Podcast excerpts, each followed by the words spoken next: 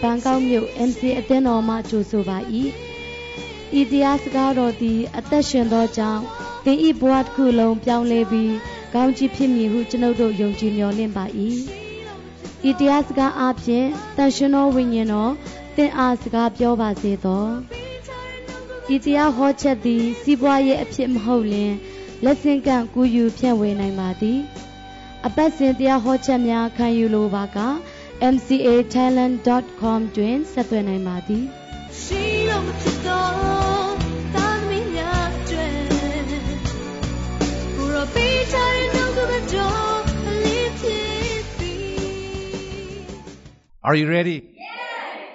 နှုတ်ကပတ်တော်ရောက်လာတဲ့အခါမှာမိုးရွာတဲ့အခါမှာကျွန်တော်တို့ရေအိုးနဲ့ခံတယ်လို့စိတ်လှုပ်ရှားခြင်းနဲ့ရင်ခုန်တာနဲ့ကျွန်တော်တို့ခံယူတတ်ဖို့အရေးကြီးတယ်အာမင် မျိုးစေ့ကတော့ကျဲတယ်လို့ကျဲမှာပဲကြားတဲ့နေရာမှာလည်းကြားမှာပဲလမ်းပေါ်မှာကြားတဲ့မျိုးစေ့လည်းမဖြစ်စေနဲ့ကြောက်ပေါ်မှာကြားတဲ့မျိုးစေ့လည်းမဖြစ်ပါစေနဲ့စူးတွေကြားထဲမှာကြားတဲ့မျိုးစေ့လည်းမဖြစ်ပါစေနဲ့ကောင်းသောမြေမှာကြားပြီးအစတရားသောအသီးကိုတီးသောမျိုးစေ့ဖြစ်ပါစေအာမင်ဆိုနှလုံးသားများကိုပြင်ဆင်ကြရအောင်အဖမြတ်စွာသောဘုရားသခင်ဒီနေ့ကိုရရှင်ဤနှုတ်ကပတ်တော်ကိုကိုရစေလွတ်ပါ တမန်တရားနှင့်ပြည့်စုံသောတန်ရှင်သောဝိညာဉ်တော်သည်အကျွင်းမဲ့တုန်တင်ပြသပါမည်အကြောင်းဖွင့်ပြပါမည်အကြောင်းသာကျွန်ကျွန်တော်မျိုးကိုတစားပလာနဲ့သုံးပါရှင်မောလေးယေရှုနာမနဲ့အခြေနိုင်နှုတ်ကပတ်တော်အသက်တာကိုအပ်ပါ၏ဖေယားအာမင်ကျွန်တော် music team လာပြပါလို့အတောင်တော်အရေးအောက်မှာခုနာစီပါဆိုတဲ့ဒီနေ့မုံတိုင်းအထက်မှာပြန်တန်းသောသူများဆိုတဲ့ခေါင်းစဉ်နဲ့နှုတ်ကပတ်တော်ဝီမြပြီးချင်းပါတယ် တော့ဒီတခြင်းလေးကဒီနှုတ်ကပတ်တော်ကိုပံ့ပိုးပေးမယ့်အရာပြင်ဆင်ပေးမယ့်အရာဖြစ်တယ်နှလုံးသားကနေတည်ဆိုကြရအောင်သွန်သင်ပေးပါယေရှုနာမနဲ့အပ်ပါ၏အာမင်ထိုင်ကြရအောင်ဟာလေလုယာတရားဟောရာကျမ်းအခန်းကြီး30နှစ်အငယ်7မှာရွှေလင်းတသည်အတိုက်ကိုမှွေလျက်သားငယ်တို့အပေါ်မှလှုပ်ရှားလျက်အတောင်ကိုဖြန့်လျက်သားငယ်တို့ကိုယူ၍မိမိအတောင်တို့ဖြင့်ဆောင်တဲ့ကဲ့သို့ သာဝရဘုရားတပါးဒီသာလျင်ယာကုပ်ကိုဆောင်သွားတော်မူ၏အခြားတပါးသောဘုရားမိမြမရှိမြေကြီးပေါ်မှာမြင့်မြတ်သောအရတ်တို့၌နေရာချတော်မူသဖြင့်ဟာလေလုယာအခုချိန်မှာယေရှုခရစ်တော်ဘုရားသခင်၏နာမတကားတဲ့အလွန်မြင့်သောကောင်းကင်အရတ်မှာအဖကမိတော်လက်ရဘက်မှာရှိနေတော်မူသောဘုရားဖြစ်တယ်အာမင်အဲ့ဒီယေရှုခရစ်နဲ့အတူယုံကြည်သူများကို ခရစ်တော်၌နေရာချထားပေးတယ်ဆိုတာကိုကျွန်တော်အေဖက်ဩဝါဒစာထဲမှာကျွန်တော်တွေ့ရတယ်အေဖက်အခန်းကြီး1အငယ်21ကိုတစ်ချက်ဖတ်မယ်ခတ်သိမ်းသောအထွတ်အမြတ်အာနာဆက်တကိုးအစိုးရချင်းမှစ၍ယခုဘဝနောင်ဘဝ၌ခေါ်ဝေါ်သမုတ်သောဘွဲ့နာမအားလုံးတို့အထက်ကောင်းကင်အရ၌မိမိလက်ရဘက်မှာအလွန်မြင့်သောနေရာကိုခရစ်တော်အားပေးတော်မူ၍ နာမတကာတဲ့အလွန်မြင့်သောအရမှာခမည်းတော်ဘုရားသခင်ခရစ်တော်ကိုနေရာချထားပေးပြီးဖြစ်တယ်။ထိုနေရာမှာခရစ်တော်သည်လက်ရဘက်မှာထိုင်လျက်အမှုပြီးသောကြောင့်ထိုင်ခြင်းအမှုကိုပြုတာဖြစ်တယ်။ကျွန်တော်တို့ယုံကြည်သူများတို့ယနေ့တိုင်အောင်မေလကိဇေတက်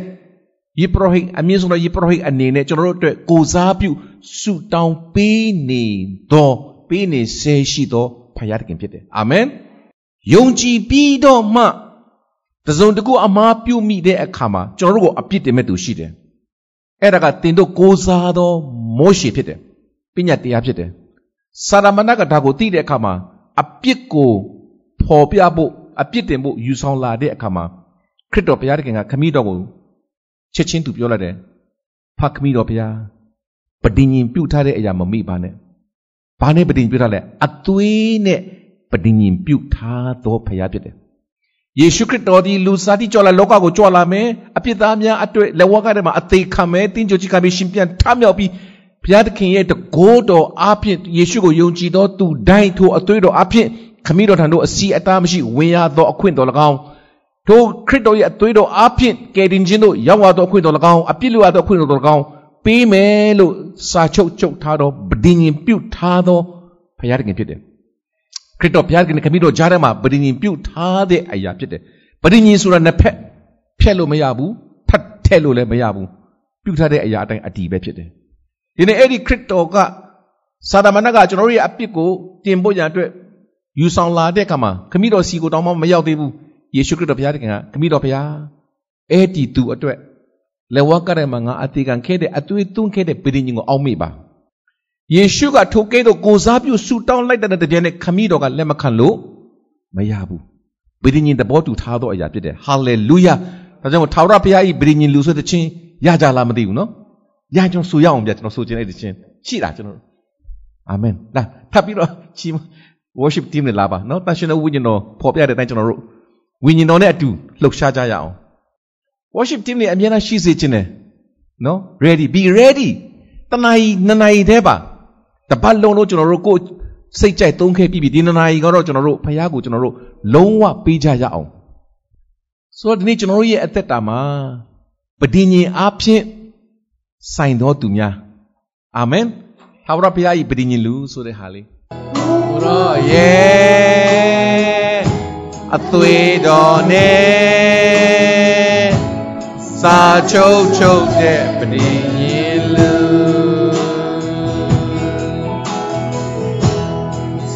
ဝရမဖောက်ပြန်မဲ့မပြည့်စည်တော့မဲ့ပဋိညာဉ်လူသာဝရဖာရဲ့တာဥဖြစ်လို့သာဝရအမွေကိုစက္ခံသူ ယုံကြည်ခြင်းဖြင့်သာဝရတော်သူယေရှုအားဖြင့်ပဋိညာဉ်လို့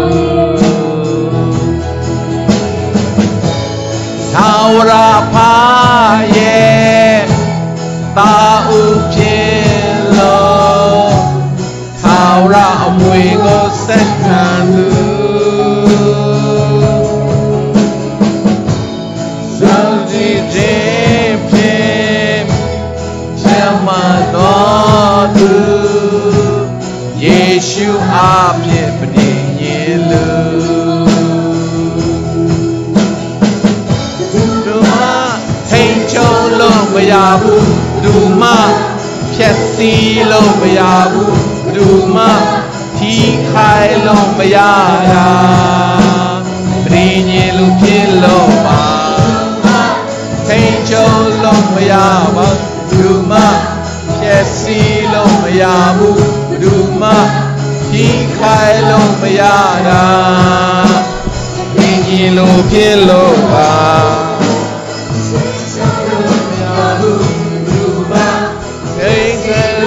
ရဘူးဘယ်သူမှဖြည့်စင်းလို့မရတာပရိညင်လို့ဖြစ်လို့ပါအာရဲ့တာဥဖြစ်လို့သာဝရအမွေကိုဆက်ခံသူယုံကြည်ခြင်းဖြင့် ဖြောင်းမတော်သူယေရှုအားဖြင့်ပြည့်ညင်လူယေရှုအားဖြင့်ပြည့်ညင်လူထိုင်ကြရအောင်ယုံကြည်သောအားဖြင့်ဂျေဇုတော်ကြောင့်ကယ်တင်ခြင်းသို့ရောက်ရ၏ကိုအလိုအလျောက်ရောက်သည်မဟုတ်ဘုရားသခင် တနာတော်မူရာဖြစ်သည်ဘယ်သူမှဝါကြွားစရာအကြောင်းမရှိပါဘူးဟာလေလုယာဒီနေ့မုန်တိုင်းအကြောင်းကိုစဉ်းစားကြည့်တဲ့အခါမှာမုန်တိုင်းကိုဘယ်သူမှမကြိုက်ပါဘူးတို့ရာတွင် မုန်တိုင်းတိုက်ခတ်လာတဲ့အခါမှာထူးခြားတဲ့အရာတစ်ခုကတော့လင်းယုံငှက်တွေဖြစ်တယ်လင်းယုံငှက်က မုန်တိုင်းရဲ့အထက်မှာအမြဲတမ်းပြန်ဝဲသောငှက်ဖြစ်တယ် မုန်တိုင်းကိုအင်မတန်မှနစ်သက်သောငှက်ဖြစ်တယ်ငှက်တတော်အပေါင်းမှာလဲ king of the birds နော်ငှက်များရဲ့ဘုရင်တို့လဲခေါ်ပါတယ်ဒီလင်းယုံငှက်ရဲ့ထူးခြားသောအရာကလင်းယုံငှက်မှာအသက်နှစ်ပိုင်းရှိတယ်သူပေါက်လာတဲ့အချိန်ကနှစ်ပေါင်း40အထိက first life ပထမအသက်တာနှစ်ပေါင်း40လောက်ကြာလာတဲ့အခါမှာသူတို့ရဲ့အတောင်တွေက အရင်လိုမတမာတော့ဘူး ငှက်တွေရဲ့အတောင်တွေကတစ်ခုနဲ့တစ်ခုကတ်နေတာဖြစ်တယ်အဲ့ဒီဟာတွေကကွဲဟလာပြီဆိုတော့ပြန်ဝဲဖို့အားနည်းလာပြီအစီတွေခန်းချောက်လာပြီသူတို့ရဲ့လက်သေးတွေကဗမြောင်နဲ့အမြတ်ထက်တဲ့သူတို့ရဲ့ claw ဒီလက်သေးတွေကလည်းတုံးလာပြီအားနည်းလာတဲ့အခါမျက်စိလည်းမှုံလာတယ်လင်းယုံငယ်မျက်စိ eagle eyes ကလည်းအနောဆရာကောင်းတယ်နော်ဖျားပါစင်းတဲ့အရာကသူကမျက်လွှာနှစ်ထပ်ရှိတယ်ပတ်ပတ်တလွှာကိုဖုံးလိုက်ရင်သူကနေကိုစူးစူးကြည့်လို့ရတဲ့ငှက်ဖြစ်တယ်လင်းယုံငှက် တမျိုးကပဲနေကိုစူးစူးကြည့်လို့ရတဲ့တတော်ဖြစ်တယ်ငှက်ဖြစ်တယ်ပြီးတဲ့အခါမှာအင်မတန်မှမြင့်တဲ့အရာကနေပြီးတော့သူ့ရဲ့သားကောင်လေးတွေကိုလည်းအင်မတန်မှမြင်နိုင်စွမ်းရေအောက်ထဲမှာတွာလာတဲ့ငါးများကိုပင်လင်မြင်တတ်ပြီးတော့ဖမ်းနိုင်တဲ့အစွမ်းရှိတဲ့ငှက်ဖြစ်တယ်။တို့ရတဲ့နှစ်ပေါင်း40ကြာလာတဲ့အခါမှာအဲ့ဒီအရာတွေကအိုမင်းလာတဲ့အခါမှာအားနည်းလာတဲ့အခါမှာလင်းငယ်ကဘာလုပ်လဲဆိုရင်အမြင့်ဆုံးသောကြောက်တောင်ကြီးကိုတက်သွားတယ်။ ပြီးတဲ့အခါမှာသူ့ရဲ့တောင်ပန်ဘက်ကိုဖြန့်တယ်။ပြီးနေကိုစူးစူးကြည့်ပြီးတော့မှမျက်တော်လာချပြီးမြေကိုစူးစူးကြိုက်ကြည့်တယ်။ထိုအရာကဘာကိုပုံဆောင်တယ်လဲလို့ပြောတဲ့အခါမှာထာဝရဘုရားကိုရှိရှိကြည်ခြင်းဖြစ်တယ်ဟာလေလုယာကျမ်းစာထဲမှာ84ခုမြောက်သောဆာလံပိုင်ငယ်7ထဲမှာထာဝရဘုရားသည်နေလေဖြစ်တော်မူ၏တဲ့နေကိုကြည်ခြင်းကထာဝရဘုရားကိုကြည်ခြင်းဖြစ်တယ်အဲ့လိုကြည်တဲ့အခါမှာခွန်အားကနေပြန်ပြီးတော့သူ့ကိုပြည့်စီလာတာဖြစ်တယ်သူဘာလို့ရတယ်လဲဆိုရင်အားနေပြီးတော့ အစွမ်းနဲလာတဲ့သူ့ရဲ့ခြေသေးတွေကိုဖြုတ်ဖို့လိုတယ်ခွာချဖို့လိုတယ်အဲ့ဒီခါမှာခါလို့အလွယ်တကူမပြောလို့ရှိရင်လည်းကြောက်ဆောင်နဲ့ရိုက်ခတ်တဲ့ခါမှာနာပါတယ်အနာဆုံးကသူ့ရဲ့နှုတ်သီးဖြစ်တယ်နှုတ်သီးကလည်းအင်မတန်မှထက်တဲ့နှုတ်သီးဖြစ်တယ်အသားစိမ်းတွေကိုတော့ကိုက်စားတတ်တဲ့ငှက်ဖြစ်တယ်နော်လင်းယုံငှက်ကဘယ်တော့မှအစာအဟောင်းအပုတ်အသိုးကိုမစားဘူးအမြဲတမ်းအရှင်လက်လက်ကိုပဲစားတော့သူရိษံဖြစ်တယ် ယုံကြည်သူဆိုတာအမြဲတမ်း fresh မာနာနှုတ်ကပတ်တော်အသစ်အသစ်ကိုနေ့တိုင်းချပေးတဲ့ဘုရားသခင်ထာမနှုတ်ကပတ်တော်ကိုစားကြတဲ့ယုံကြည်သူတွေဖြစ်တယ်အသင်းတော်မှာရတဲ့နှုတ်ကပတ်တော်ပဲဖြစ်စေအဲ့ရထပြီးတော့ဝိညာဉ်တော်နိုးဆိုပြီးပြတဲ့နှုတ်ကပတ်တော်ပဲဖြစ်စေအမြဲတမ်းလက်ဆက်သောလန်းဆန်းသောနှုတ်ကပတ်တော်စားဖို့ဖယားစားစီဖို့ဖယားအလိုရှိတယ်။ဒီလေးယုံငှက်တွေကအဲ့လိုသူတို့နှုတ်သီးတွေကိုခါချတဲ့ချိန်အင်မတန်မှနာပါတယ်နော် လူမှာရှာကခန္ဓာကိုယ်ထဲမှာအသေးငယ်ဆုံးသောအင်္ဂါဖြစ်တော်လေတဲ့ရှာကိုဘယ်သူမှမထိန်နိုင်ဘူးတဲ့ရှာကိုနိုင်တော့သူကတကိုယ်လုံးကိုနိုင်ပြီတဲ့ဒီရှာကိုအတန်ထွက်စေတာကနှုတ်ဖြစ်တယ်ဒါကြောင့်မို့ဆာလန်ဆရာကသူ့ရဲ့နှုတ်ခမ်းရှိမှာ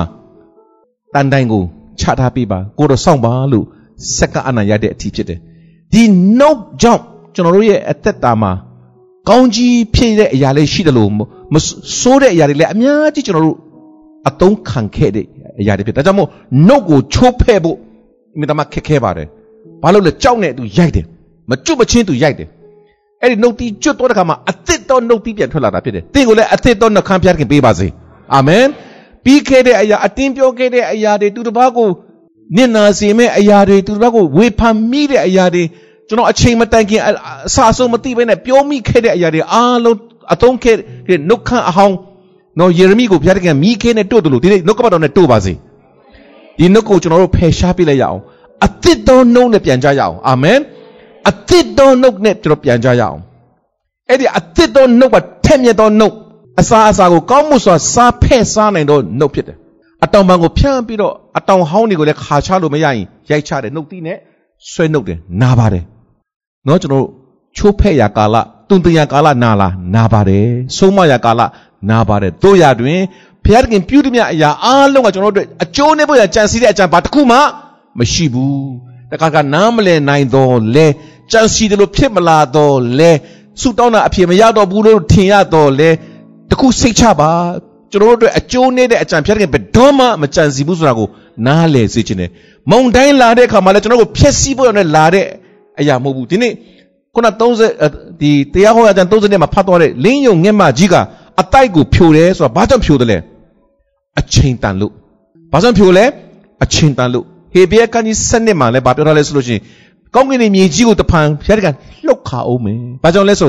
လှုပ်ခါလို့မရတဲ့တည်ပြဲတဲ့အရာတွေအစင်မြဲတည်ဖို့လှုပ်ခါလို့ရတဲ့အရာတွေအားလုံးကငါလှုပ်ခါပြစ်မယ်တဲ့။ဒီနေ့မုံတိုင်းအဖြစ်မုံတိုင်းနဲ့ဖြက်စီးခြင်းကဖျားတကန်စီကမလာဘူး။ သို့တော်လည်းအဲ့ဒီမုံတိုင်းကိုဖျားကသုံးပြီးတော့ကျွန်တော်ရဲ့တက်တာမှာတည်မြဲတော့ရံများကိုတည်စေဖို့ရန်အတွက်မုံတိုင်းအထက်မှာပြန်ဝဲဖို့ရန်အတွက်ဖြစ်တယ်။လင်းယုံငှက်တွေကအမြဲတမ်းမုန်တိုင်းအထက်မှာပြန်ဝဲတော့သူများဖြစ်တယ်ခုနအေးဖက်ထက်မှာကျွန်တော်ဖတ်တဲ့အခါမှာယေရှုခရစ်တော်ကအလွန်မြင့်သောအရာမှာခမည်းတော်ကသူ့ကိုနေရာချထားတယ်ဒီနေ့ယုံကြည်သူတွေကလည်းခရစ်တော်အဖင်ခရစ်တော်နဲ့အတူကောင်းကင်အရာမှာနေရာချထားတယ်လို့ပြောတော့ကြောင်းယုံကြည်သူတိုင်းဒီခရစ်တော်နဲ့အတူအလွန်မြင့်သောအရာမှာမုန်တိုင်းအထက်မှာနာမတကာရဲ့အထက်မှာရှိတော်သူများဖြစ်တယ်။ တင်းရဲ့ဝိညာဉ်ရေးရနေရာကိုတင်သိပါ။နီးပြူဟာအင်မတန်မှကြားတဲ့နေရာဖြစ်တယ်။အလွန်မြင့်သောအရာမှာဖျားကနေရာချထားတာကအကြောင်းရှိတယ်။မုန်တိုင်းလာတဲ့အခါမှာမုန်တိုင်းကကျွန်တော်တို့ကိုမြင့်တင်ပေးမယ့်အရာဖြစ်တယ်။ကျွန်တော်ရဲ့အသက်တာဝိညာဉ်ရေးရ level နောက်တစ်ဆင့်မြင့်တင်ပေးဖို့ဖျားကမုန်တိုင်းကိုတိုက်ခတ်စေတာဖြစ်တယ်။ကျွန်တော်ပေတရုနဲ့တမန်တော်တွေအိုင်အလဲမှာမုန်တိုင်းလာတဲ့ကမှာဘာလို့ဖို့လဲယုံကြည်ခြင်းသင်္ကန်းစာကိုသင်ပေးဖို့အတွက်ဖြစ်တယ် ဒီနေ့လင်းယုံငယ်အားဖြင့်ကျွန်တော်တို့ကိုယုံကြည်ခြင်းသင်္ကန်းစာအပေါ်မှာပြန်သွားတော့သူများဖြစ်ဖို့တုန်တင်ပေးတာဖြစ်တယ်ယုံကြည်သူဆိုတာလင်းယုံငယ်များဖြစ်တယ်အာမင်ကျွန်တော်တို့ဘုရားသခင်ကဖန်ဆင်းရှင်ဘုရားသခင်ကသူဖန်ဆင်းတဲ့လူတ attva တရိษံအရာဝတ္ထုအားလုံးရဲ့အစွမ်းတတ္တိဂုံတတ္တိသူတို့ရဲ့အစွမ်းများကိုသိတော်မူသောဘုရားဒါကြောင့်ဘုရားသခင်ကျွန်တော်တို့ကိုအဲ့ဒါနဲ့ခိုင်းနှိုင်းတဲ့အခါမှာအတိတ်ပဲရှိပါတယ်ဘာကြောင့်ဘုရားသခင်သိုးနဲ့နှိုင်းတယ်လဲသိုးတွေက သိုးထင်းရဲ့အတန်ကိုတိကျွမ်းပြီးသိုးထင်းနောက်ကိုလိုက်တတ်တဲ့ပရိစ္ဆာန်ဖြစ်တယ်သိုးထင်းရဲ့အတန်ကိုလိုက်တတ်တဲ့အကြပြီးလိုက်တတ်တဲ့အပြင်ဘယ်တော့မှ complain မတက်တဲ့ပရိစ္ဆာန်ဖြစ်တယ်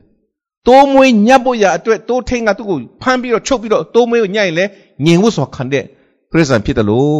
ရစ်ပူဇော်ဖို့တတ်တဲ့အခါမှာလဲအတန်မမီဘူးဘေးနားမှာရှိတယ်လို့လည်းမထွက်ပြေးဘူးအတန်မမီဘူးအဲ့ဒါလို့ငြိမ်ဝတ်စွာနေတတ်တဲ့သိုးရဲ့ အရေးအသွေးကိုတိတဲ့ဘုရားကကျွန်တော်ကိုသိုးနဲ့နှိုင်းထားတယ်ဒါကြောင့်မို့ကျမ်းစာထဲမှာယေရှုခရစ်တော်ကိုလည်းဒီလောကတလောကလုံးရဲ့အပြစ်ကိုဆောင်ယူသွားတော့ထာဝရဘုရားဤသိုးတငယ်ဆိုပြီးတော့ပုံဆောင်ခဲ့တာဖြစ်တယ်ဒါဆိုရင်ကျွန်တော်တို့ရဲ့နှုတ်ကစိတ်စိတ်နေတတ်သောနှုတ်ဖြစ်ပါစေအပြစ်တင်တတ်သောညီးတွားတတ်သောသူတစ်ပါးကိုဝေဖန်တတ်သောနှုတ်မဖြစ်ပါစေနဲ့ကျွန်တော်တို့လင်းယုံငက်ကအဲ့ဒီနှုတ်ကိုကြောက်ခဲနဲ့ခါချလိုက်တယ်လို့ဒီနေ့ကျွန်တော်တို့ရဲ့တက်တာမှာနှုတ်ကပတ်တော်အဖြစ်ခါချလိုက်ရအောင် ကြောက်ဆိုတာခရစ်တော်ဖြစ်တယ်ခရစ်တော်ဆိုတာနှုတ်ကပတ်တော်ဖြစ်တယ်အာမင်နှုတ်ကပတ်တော်အဖြစ်ဘယ်တော့မှခွေးမိကောက်ကြည်တောင်းစွတ်နော်ပြုတ်ပြလို့မရဘူး die habit die hat ဆိုတာကဝိညာဉ်ရမှာမရှိဘူးလူမီဒီကခရစ်တော်နဲ့ရှိလင်အသစ်ပြုတ်ပြင်သောတတဝါဖြစ်တယ်ဟောင်းသောအရာတို့ဒီပြောင်းလဲ၍ခတ်သိမ်းသောအရာတို့ဒီအသစ်ဖြစ်ကြပြီထို့သောဖြစ်သောဖယားသခင်ဤတကိုးတော်အပြင်ဖြစ်၏တဲ့ဟာလေလုယာအဲ့ဒီဘုရားသခင်တကိုးတော်အပြင်ဖြစ်တဲ့အရာကိုမျှော်လင့်တတ်ဖို့ စိတ်ချတတ်ဖို့လက်ခံတတ်ဖို့အရေးကြီးတယ်ကောင်းသောမြေမှာလက်ခံတတ်ဖို့အရေးကြီးပါတယ်လို့အာမင်ဆိုတော့မုံတိုင်းလာတဲ့အခါမှာဒီငက်ငယ်လေးတွေကိုစပြီးတင်ပေးတဲ့အခါမှာအချိန်တန်တဲ့အခါမှာတွန်တင်ပေးတယ်ဘာဆက်လို့လဲအတိုက်ကိုမှွေနောက်တယ်တဲ့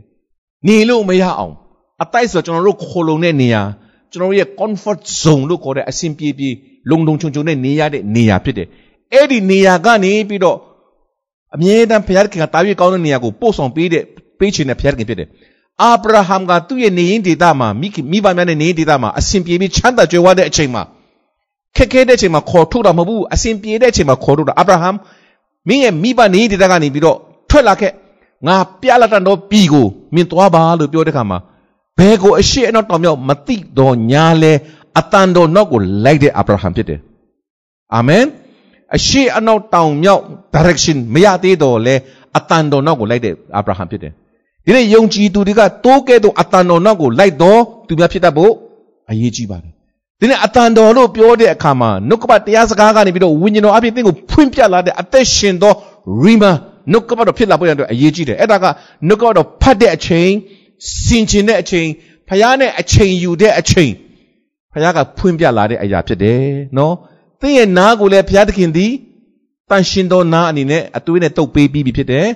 စီနဲ့လိမ့်ပြီးတော့ဗိတ်သိက်ပေးထားတဲ့နားဖြစ်သောကြောင့်သင်နားသည်တန်ရှင်သောနားဗိတ်သိက်ရှိသောနားယေရှုခရစ်တော်၏ခန္ဓာကိုယ်အဝင်ဖြစ်သောသူသည်မေရှိယသည်ဟူသောခရစ်တော်ဗိတ်သိက်ခံရသောအခါမှာယုံကြည်သူတိုင်းကဗိတ်သိက်ခံရသောသူများဖြစ်တယ်ဆိုတာကိုနှုတ်ကပတ်တော်အဖြစ်စိတ်ချစေခြင်းတယ်လက်ခံယုံကြည်စေခြင်းတယ်ဒါကြောင့်မို့ငါကမထိုက်တန်ဘူးငါ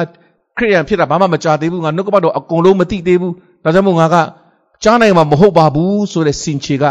စာရန်စီကလာတဲ့စင်ချေဖြစ်တယ်ကျမ်းစာကဘာပြောလဲငါသိုးတွေကငါစကားတန်ကိုတိကျွမ်းတယ်ငါနောက်ကိုလည်းလိုက်တယ်မဆိုင်တဲ့အတန်ကိုလည်းသိတယ်ပြီးတယ်မဆိုင်တဲ့နောက်ကိုလည်းမလိုက်ဘူးတဲ့ခက်တာကကျွန်တော်တို့ကနားထောင်ဖို့အချိန်မပေးတော့ကြောင်းမကြားတာဖြစ်တယ်တော့ကြားတတ်ဖို့ဘုရားကနားကိုပြင်ဆင်ပေးပြီးပြီ ကြားတတ်ဖို့အချိန်များများယူပါမနေ့အိယာထကလေးကဘုရားနဲ့အချိန်ယူပါတနေ့ကိုစင်ချင်အောင်မိပါစံစာဘာပြောလဲနှုတ်ကပတ်တော်ကိုနေ့ညမပြစင်ချင်အောင်မိတော်သူမင်္ဂလာရှိတယ်တဲ့ဟာလေလုယာပြုလေသည်များမှာအောင်ရသောအခွင့်ကိုပေးမယ်လူကတစုံတစ်ခုကိုစဉ်းစားနေတဲ့အချိန်စင်ကျင်တဲ့အချိန်မှာဒီတစ်ခုကိုပဲစဉ်းစားလို့ရတာပါတခြားတစ်ခုဝင်လာလို့မရဘူး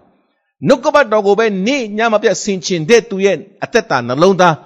ဒီထဲမှာဆိုရင်တခြားအရာဂျန်လို့ခေါ်တဲ့အမိုက်စာနာမဏေရဲ့တန်တရားတွေနော်အပြည့်တင်မှုတွေကဲ့ရဲ့မှုတွေဝင်လို့ရလားမရဘူးဒါကြောင့်မို့ဒီနေ့ကျွန်တော်နှုတ်ကပတ်တော်နဲ့အမြဲတမ်းဖြည့်ထားဖို့ခံယူထားဖို့သူ့မိထားဖို့အင်မတန်မှအရေးကြီးပါတယ်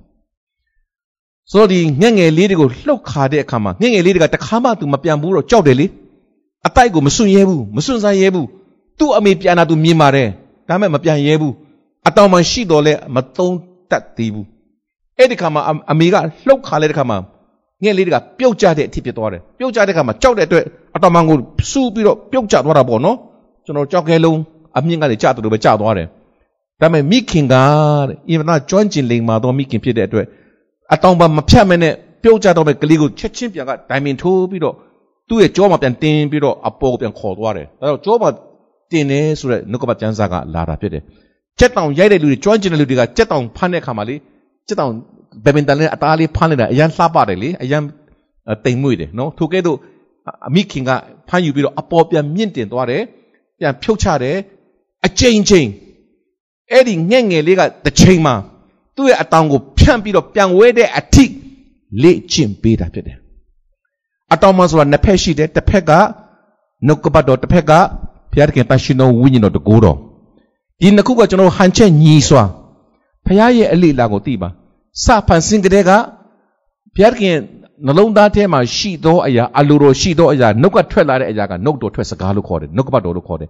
အဲနှုတ်ကပတ်တော်ထွက်လာတဲ့စကားပေါ်မှာတန်ရှင်တော်ဝိညာဉ်တော်ကလှုပ်ရှားတဲ့အခါမှာဖန်ဆင်းထားတဲ့အရာတွေတစ်ခုပြီးတစ်ခုဖြစ်လာရတာဖြစ်တယ်မဖြစ်နိုင်တဲ့အရာတဘာဝအဖြစ်မဖြစ်သေးသောအရာမဖြစ်တဲ့အရာတွေ ဖြစ်လာတာဖြစ်တယ်ဒါကြောင့်မို့ကျွန်တော်တို့ယုံကြည်သူဆိုတာတဘာဝလွန်တကိုးတော်ရှိသောဖရာတဘာဝလွန်တကိုးတော်အဖြစ်ပြုပြင်ဖန်ဆင်းတော်မူသောဖရာကိုကိုးစားခိုလုံပြီးတော့အသက်ရှင်တော်သူများဖြစ်သောကြောင့်ကျွန်တော်ရဲ့တက်တာကတဘာဝအတိုင်းအသက်ရှင်ခြင်းလောက်နဲ့ကျေနပ်မဲ့သူကျေနပ်ရမဲ့သူတွေမဟုတ်ဘူးဒါလောကသားမှာလူတိုင်းဖြစ်တာပဲလေဒါကဓမ္မတာပဲလေ no no no ဓမ္မတာထက်တာ၍အစစ်မြင့်သောသူများဖြစ်တယ်ဘယ်မှာလဲအလွန်မြင့်သောအရာမှာနေရာချထားခြင်းခါရသောသူများဖြစ်တယ်ကိုယ့်နေရာကိုသိပါ အပေါ်စီးကနေပြီးတော့ဘုရားတခင်မြင်တတ်တဲ့ကဲ့သို့မြင်တတ်ပါဇာတိအပြင်ဖွားမြင်သောအရာကဇာတိဖြစ်တယ်ဇာတိလူကဇာတိကဲ့သို့ပဲမြင်တတ်တာဖြစ်တယ်မြင်ရတဲ့ယူပအရာတွေကိုမြင်တဲ့အရာကဇာတိမျက်စိနဲ့မြင်ရတဲ့အရာဖြစ်တယ်ယုံကြည်သူဆိုတာမမြင်ရမမြင်ရတဲ့အစီအမြဲတည်တဲ့အယူပအရာတွေကိုယုံကြည်ခြင်းအပြင်မြင်တတ်တော်သူများဖြစ်တယ်ဟာလေလုယာအေလိယက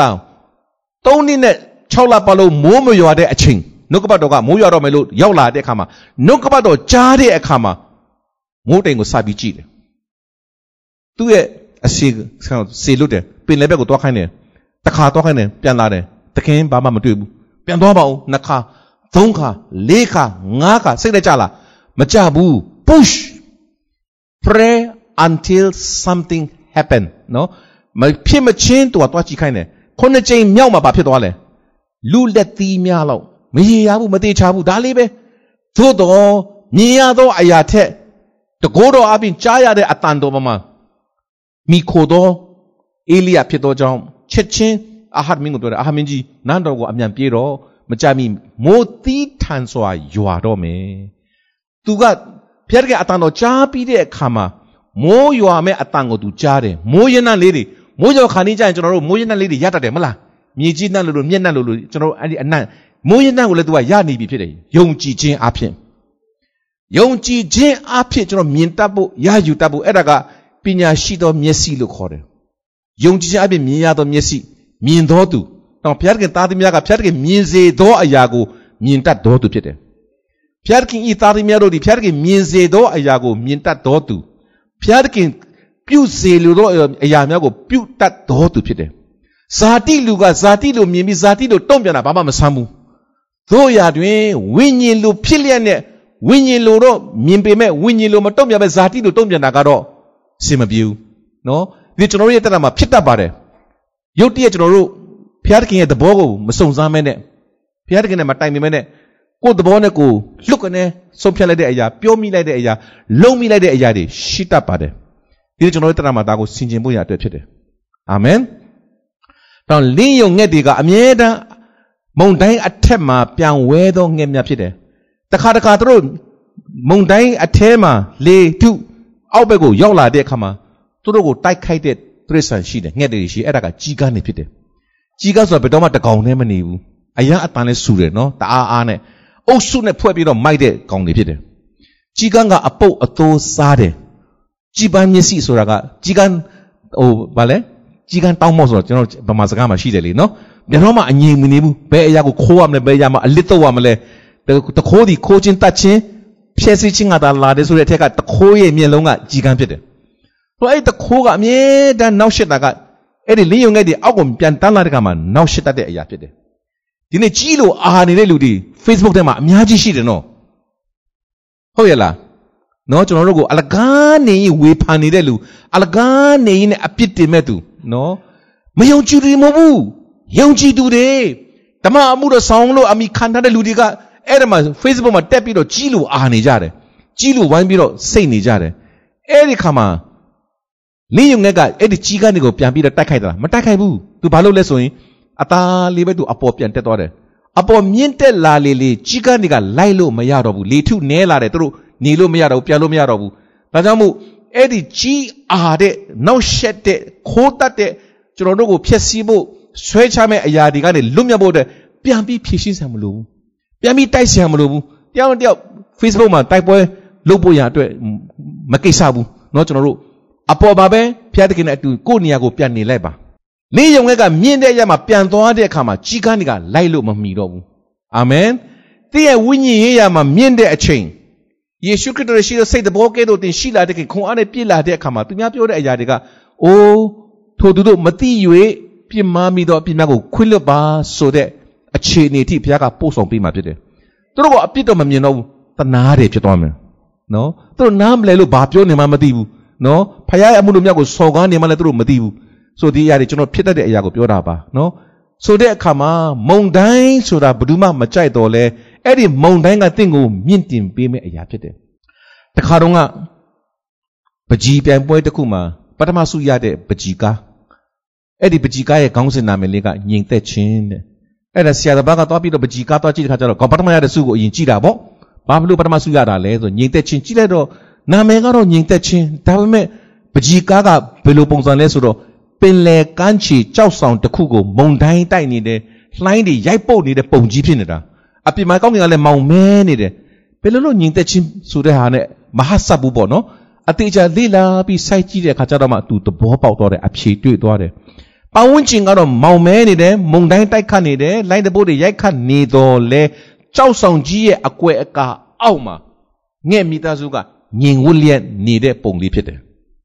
တော့ယုံကြည်သူရဲ့အသက်တာကထိုနည်း၎င်းပဲလောကကြီးဘလောက်ပဲမုန်တိုင်းတိုက်ပါလေစီခုချိန်မှာကျွန်တော်မြန်မာလူမျိုးတွေမြန်မာပြည်မှာခံစားနေရတဲ့အရာတွေစကားနဲ့တော့မှပြောလို့မရနိုင်လောက်အောင်ခံစားနေရတယ်ဒါပေမဲ့ယုံကြည်သူတွေကတော့အဲ့ဒီမုန်တိုင်းရဲ့ အထဲမှာနစ်မုန်းဖို့မဟုတ်ဘူးမုန်တိုင်းရဲ့အပေါ်မှာပြန်ဝဲဖို့တဲ့ဖခင်လိုရှိတယ်ဟာလေလုယာဆိုတော့အဲ့ဒီလိုအခြေအနေပတ်ဝန်းကျင်ကဘယ်လိုပဲခက်ခဲနေပါလေစေကျွန်တော်တို့ကိုးကွယ်ခိုလုံရာကြောက်ဆောင်ကြီးဖြစ်တဲ့ခရစ်တော်နဲ့ခိုလုံခြင်းအပြင်ငြိမ်ဝတ်စွာနေရသောအခွင့်ဖခင်ကပြင်ဆင်ထားပေးပြီးသားဖြစ်တယ်အာမင်အဲ့ဒီအရာကိုကျွန်တော်တို့ကကြုံတွေ့ရတဲ့အရာတိုင်းမှာကျွန်တော်တို့ကလက်တွေ့ကျင့်သုံးလို့ရပါတယ်သင်ရဲ့လူမှုရေးပြဿနာငွေကြေးပြဿနာနော် အလုတ်ကိုင်းနဲ့ပတ်သက်တဲ့ပြဿနာပညာရေးပြဿနာဘာပဲလာပါလေစေကျွန်တော်ခိုလုံရကိုတော်ရှိတယ်အဲ့ဒီမုန်တိုင်းကကျွန်တော်တို့ကိုတိုက်ခတ်လာတဲ့အခါမှာကျွန်တော်တို့ဖျက်ဆီးဖို့ရတဲ့မဟုတ်ဘူးနော်ယေရမိယခန်းကြီး29အငယ်7မှာဖျက်ကကျွန်တော်တို့စီမှာကြံတဲ့အကြံစီကဘယ်တော့မှအကျိုးနည်းဖို့ရကြံစီတဲ့အကြံမဟုတ်ဘူးကျွန်တော်တို့ကိုဘာပြောလဲကျမ်းစာကကြည့်အောင်နော်မျောလင်းသောအရာတို့ကိုယေရမိအနာဂတ်ကျမ်းခန်းကြီး29အငယ်7မှာငါသည်သင်တို့ကိုအကျိုးနည်းစေခြင်းကကြံစီသောအကြံမဟုတ်ဘဲ သင်တို့သည်မျောလင့်သောအကျိုးကိုရမည်အကြောင်းဆိုမျောလင့်တတ်ဖို့လိုတယ်မျောလင့်တတ်တဲ့အကျိုးကိုလည်းရမယ်လို့စိတ်ချဖို့လိုတယ်ရမည်အကြောင်းညင်ဝတ်စွာညင်ဝတ်စေခြင်းငါသာ be still ညင်ဝတ်လည်းနေကြလော့ငါကသင်ဖျားတကယ်ထာဝရဖျားဖြစ်သည်ဟုတိမှတ်ကြလော့မုန်တိုင်းလာတဲ့အခါမှာပြဿနာလာတဲ့အခါမှာလူတွေကမငြိမ်ဖို့နိုင်ဘူးစိုးရင်ပူပန်လာတယ်အဲ့ဒီစိုးရင်ခြင်းကကျွန်တော်တို့ကိုဒုက္ခပေးတတ်တယ်နော်ဒီနေ့ ကျွန်တော်တို့မာတကဲ့သို့စိုးရင်ပူပန်ခြင်းမရှိဖို့မာရိကဲ့သို့ညီဖို့ဆိုတာခြေတော်ရင်းမှာနေတတ်ဖို့အင်မတန်မှအရေးကြီးပါတယ်ငါဒီတင်တို့ကိုအကျိုးနဲ့စေခြင်းကကြံစီသောအကြံမဟုတ်ပဲတင်တို့ဒီမျောလင်းသောအကျိုးကိုရမည်အကြောင်းငြိမ်ဝတ်စေခြင်းငါသာတင်တို့အဖို့ကြံစီသောအကြံတို့ကိုငါသိ၏အာမင်ယေရမိပရောဖက်ကြီးကပြောငါသိတယ်ဆိုလို့ဒီနေ့ကျွန်တော်တို့သိကြရအောင်သင်ကိုဖန်ဆင်းသောဖခင်လောကရဲ့သိုးသောဖခင်များပေလင်ကျွန်တော်တို့ကိုကောင်းသောအရာများကိုပေးတတ်တယ်ဆိုရင် ကျွန်တော်ကိုဖန်ဆင်းတဲ့ဘုရားကျွန်တော်ကိုတန်ဖိုးထားတဲ့ဘုရားတားတော့ယင်းပင်လေမနှမျောပဲပေးတဲ့ဘုရားကကျွန်တော်ကိုမကောင်းတဲ့အရာဘာတစ်ခုမှမဖြစ်စေဘူးမပေးဘူးဆိုတာယုံကြည်စိတ်ချရအောင်အကျိုးနဲ့ဆရာအကြောင်းမုံတိုင်းလာဆရာအကြောင်းဖြစ်လာတဲ့ခါမှာမုံတိုင်းအထဲမှာနေပြီးအပြစ်တင်ခြင်းညီးတွားခြင်းစိတ်သက်ကြခြင်းမလို့မရှားရှိခြင်းမဟုတ်ဘဲနဲ့ stretch out your arm เนาะကျွန်တော်ရဲ့လက်နှစ်ဖက်ကိုဆန်တန်းရအောင်အတောင်နှစ်ဖက်ကိုဆန်တန်းရအောင်အတောင်တစ်ဖက်ကဘာလဲနှုတ်ကပတ်တော်အတောင်တစ်ဖက်ကဘာလဲ တန်ရှင်တော်ဝိညာဉ်တော်တကိုးတော်ဒါကြောင့်ကျွန်တော်နှုတ်ကပတ်တော်ကိုဆွဲကင်ဖို့ဂတိတော်ကိုစစ်စစ်ကြည့်ဖို့အရေးကြီးတယ်နှုတ်ကပတ်တော်ကိုဆွဲကင်ပြီးတော့ကျွန်တော်ရဲ့ဝိညာဉ်ထဲမှာမုံတိုင်းရဲ့အပေါ်ပါရှိမရှိကျွန်တော်တို့သိနိုင်ပါတယ်နော်မုံတိုင်းလာတဲ့ကမှာစိုးရင်ခြင်းကမုံတိုင်းထဲမှာတင်ရောက်နေတာဖြစ်တယ်အဲ့ဒီမုံတိုင်းကိုမကြောက်တဲ့အထိနှုတ်ကပတ်တော်ကိုစိတ်ချလာခြင်းကမုံတိုင်းအထက်မှာရောက်ခြင်းဖြစ်တယ်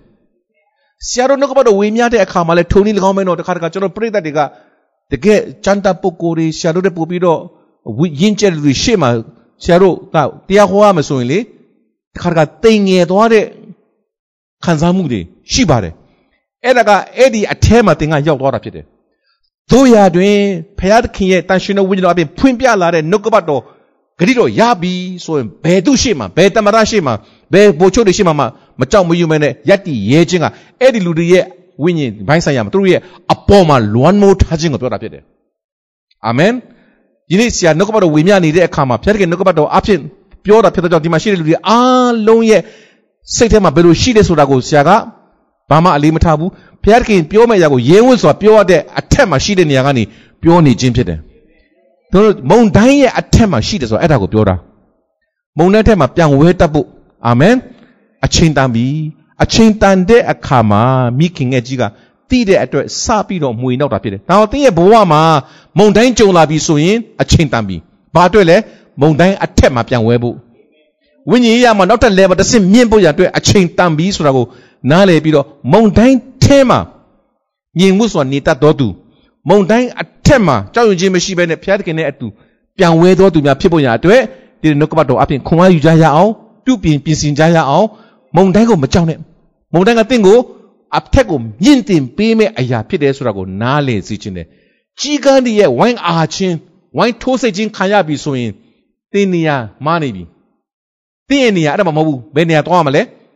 ပိုပြီးမြင့်တဲ့အရာကိုသွားပါခရစ်တော်နဲ့အတူနေရာခြားထားတဲ့နေရာမှာနေပါဖခင်သားသမီးဖြစ်တယ်ဗဒင်ញင်နဲ့ဆိုင်တဲ့သားသမီးတွေဖြစ်တယ်အာမင်ဒီလိုကျွန်တော်တို့နှလုံးထဲမှာမူထားလျက်ကျွန်တော်တန်တိတ်တန်ချထားလျက်စိတ်ချခြင်းနဲ့သွာလာတတ်မယ်ဆိုရင် မုံတိုင်းထဲမှာပြောင်းဝဲသောလင်းယုံကဲ့သို့သောယုံကြည်သူများဖြစ်မှာဖြစ်တယ်။လင်းယုံငယ်တွေကသူတို့ရဲ့ဒုတိယအသက်တာနောက်တော့အနှစ်40ခရီးဆက်ဖို့ရအတွက်အသစ်သောသူတို့ရဲ့လက်နဲ့ဖြစ်တဲ့ခြေခြေသေးတွေကိုစောင့်ရတယ်။အသစ်ဆိုတာအရန်အရန်ထက်မြက်တယ်နော်။သားကောင်တွေကိုညှစ်လိုက်ပြီဆိုရင်ဘယ်တော့မှမလွတ်တော့ဘူး။ဒါလိုပဲစိုက်သွားတယ်။သူတို့ရဲ့နှုတ်သီးတွေကအမြဲတမ်းထက်မြက်တယ်။အသားတွေကိုဖဲ့စားနိုင်တဲ့ခွန်အားနဲ့ပြည့်တဲ့ နှုတ်ပြီးပြန်ပြီးတော့ဖြစ်စေတာဖြစ်တယ်။ဒါကြောင့်မို့ဒီနှုတ်ကပတ်တော်ကိုရတဲ့နေ့ကစပြီးကြံရှိတဲ့အသက်တာတွေတင်းရဲ့နှုတ်ကိုဖျက်ခင်သုံးမဲ့နှုတ်ဖြစ်ပါစေ။မောရှေကိုစေလို့တဲ့ကမှာမောရှေကကျွန်တော်ကနှုတ်ဝတော်သူဖြစ်တယ်။စကားပြောမတတ်ဘူး။ရှင်ဘီနေရှိမှမပြောတတ်ဘူးလို့ပြောတာ။အဲ့ဒါမောရှေကဆင်ခြေပေးတာ။မောရှေကနန်းတော်မှာကြီးပြင်းလာတဲ့သူလေ။ဒါနန်းတော်စကားတွေမတတ်ဘူးလား။တတ်တာဗော။ဒါပေမဲ့သူ့ကိုသူ့အစွမ်းနဲ့သူလှုပ်တဲ့အရာကိုဘုရားကချိုးဖဲပြီးတော့မှ အဲ့ဒါတွေအရင်ဖယ်ရှားပြီးတော့မှအသစ်တော် motion နှုတ်အဖြစ်ရှေလွတ်တာဖြစ်တယ်မင်းနှုတ်နဲ့အတူငါရှိမယ်ခန္ဓာကိုယ်ထဲမှာအသေးငယ်ဆိုပြတဲ့နှုတ်နဲ့အတူရှိတဲ့ဘုရားတကယ်ကျွန်တော်တို့တကိုယ်လုံးနဲ့လည်းအတူရှိတော်မူသောဘုရားဖြစ်တယ်တင်တင်သွားလျရမကြောက်နဲ့မစိုးရိမ်နဲ့စစ်မှုကဘုရားတခင်ရဲ့တာဖြစ်တယ်အာမင်ဒါကြောင့်မို့ကြုံတွေ့ရတဲ့အရာအားလုံးကစစ်မှုပဲကြုံတွေ့ရတဲ့အရာအားလုံးကမုံတိုင်းပဲဒါမဲ့မုံတိုင်းကိုမကြောက်နဲ့မုံတိုင်းရဲ့အထက်မှာနေသောခိုင်မာသောစိတ် ယုံကြည်ခြင်းအားကြီးသောစိတ်စိတ်ချခြင်းမျောလင့်တဲ့အရာမှာစိတ်ချသောခိုင်မာသောစိတ်ရှိခြင်းအပြင်ကျွန်တော်အောင်မြင်ကြော်တော့နိုင်ဖို့ဖြစ်တယ်မုန်တိုင်းကိုမထွက်ပြေးနဲ့မုန်တိုင်းကိုရင်ဆိုင်ဖို့ဖြစ်တယ်မုန်တိုင်းဒီဘက်ကလာတယ်မုန်တိုင်းကိုပြည့်ရင်လေမုန်တိုင်းအရှိန်နဲ့ပို့ပြီးလွှင့်တော့မှာဖြစ်တယ်မုန်တိုင်းလာတော့ရင်ဆိုင်လိုက်တဲ့အခါမှာအထက်ကိုပြန်တက်တော့မှာဖြစ်တယ်အာမင်တော့ယုံကြည်သူဆိုတာမုန်တိုင်းကိုရင်ဆိုင်ရဲသောမုန်တိုင်းအထက်မှာရှိသောလင်းယုံငှက်တွေဖြစ်တယ်သူတို့ရဲ့အတောင်တွေကိုပြန်ပြီးတော့ အတောင်အဟောင်းတွေကိုခါချလိုက်ပြီးတော့အတောင်အသစ်ပေါ်လာတဲ့အခါမှာအတောင်စုံသွားတဲ့အခါမှာအဲ့ဒီအတောင်ကတစ်ခုနဲ့တစ်ခုကတ်နေပြီးတော့လေဟိုလေကိုသူတို့ကြိုက်တယ်လို့အပေါ်ခပ်ပြီးတော့ပြန်တန်းနိုင်တဲ့အတောင်ဖြစ်တဲ့အပြင်နောက်ထပ်အတောင်တွေစုံသွားတဲ့အပြင်၃ရက်ထပ်ပြီးစောင်းရတယ်အဲ့ဒါကသူတို့ခန္ဓာကိုယ်တွေကအစီတွေထွက်လာပြီးတော့အတောင်တွေကိုဖုံလွှမ်းသွားဖို့အဲ့ဒီအစီကဘိတ်တိတ်ကိုပြောတာဖြစ်တယ်။ဒါကြောင့်ကျွန်တော်တို့မိုးတန်လေးတန်ခံနိုင်ဖို့ကအစီနဲ့ဖုံလွှမ်းဖို့ရအတွက်လိုပါတယ်။ ကျွန်တော်နယူးဇီလန်ရောက်တဲ့ခါကျတော့တိုးအုပ်ကိုသွားပြီးတော့တွေ့တဲ့ခါမှာအရန်တိုးတွေကိုချစ်တယ်။တိုးတွေကိုဖက်ချင်တယ်။ဒါနဲ့အနာရောက်တော့ပြီးတော့တိုးတိုးအမွေးတွေကအထူကြီးပဲတိုးအကောင်ထက်အများကြီးတော့ပိုကြီးနေတာလေတိုးမွေးကြောင်ပွားပြီးကြီးနေတယ်ဆရာကသွားဖက်တော့ဤကနေဝင်သွားတယ်ပြီးတော့ဆရာပြောလို့ဟာဆရာလည်းမအစီတွေကတ်နေတာအဲ့ဒီအစီကဘာလဲဆိုမိုးတန်လေတန်ခံနိုင်ဖို့တဘာဝဘုရားကပြင်ဆင်ပေးတာဖြစ်တယ်။သိုးတရဲ့ဒီမျက်စိဒီဒီ ဒီအရှိမကြတဲ့အမွေးတွေကအစီနဲ့ပြည့်တဲ့အခါမှာရင်ကောင်းတွေလာနားလို့မရဘူး။ရင်ကောင်းကသူတို့ရဲ့ဒီဒုက္ခပေးတဲ့ရင်ဥဥပြီးတော့မျက်စိကန်းစေတဲ့သူတို့ရဲ့ရန်သူဖြစ်တယ်။သို့တော့အဲ့ဒီအစီအားဖြင့်အဲ့ဒီအရာတွေကိုကွဲကာပေးတာဖြစ်တယ်။ဒီရန်သူရဲ့တိုက်ခိုက်လာတဲ့အရာတွေကိုကွဲကာပေးမဲ့အရာကဘုရားသခင်ရဲ့တန်ရှင်းသောဝိညာဉ်တော်တကိုး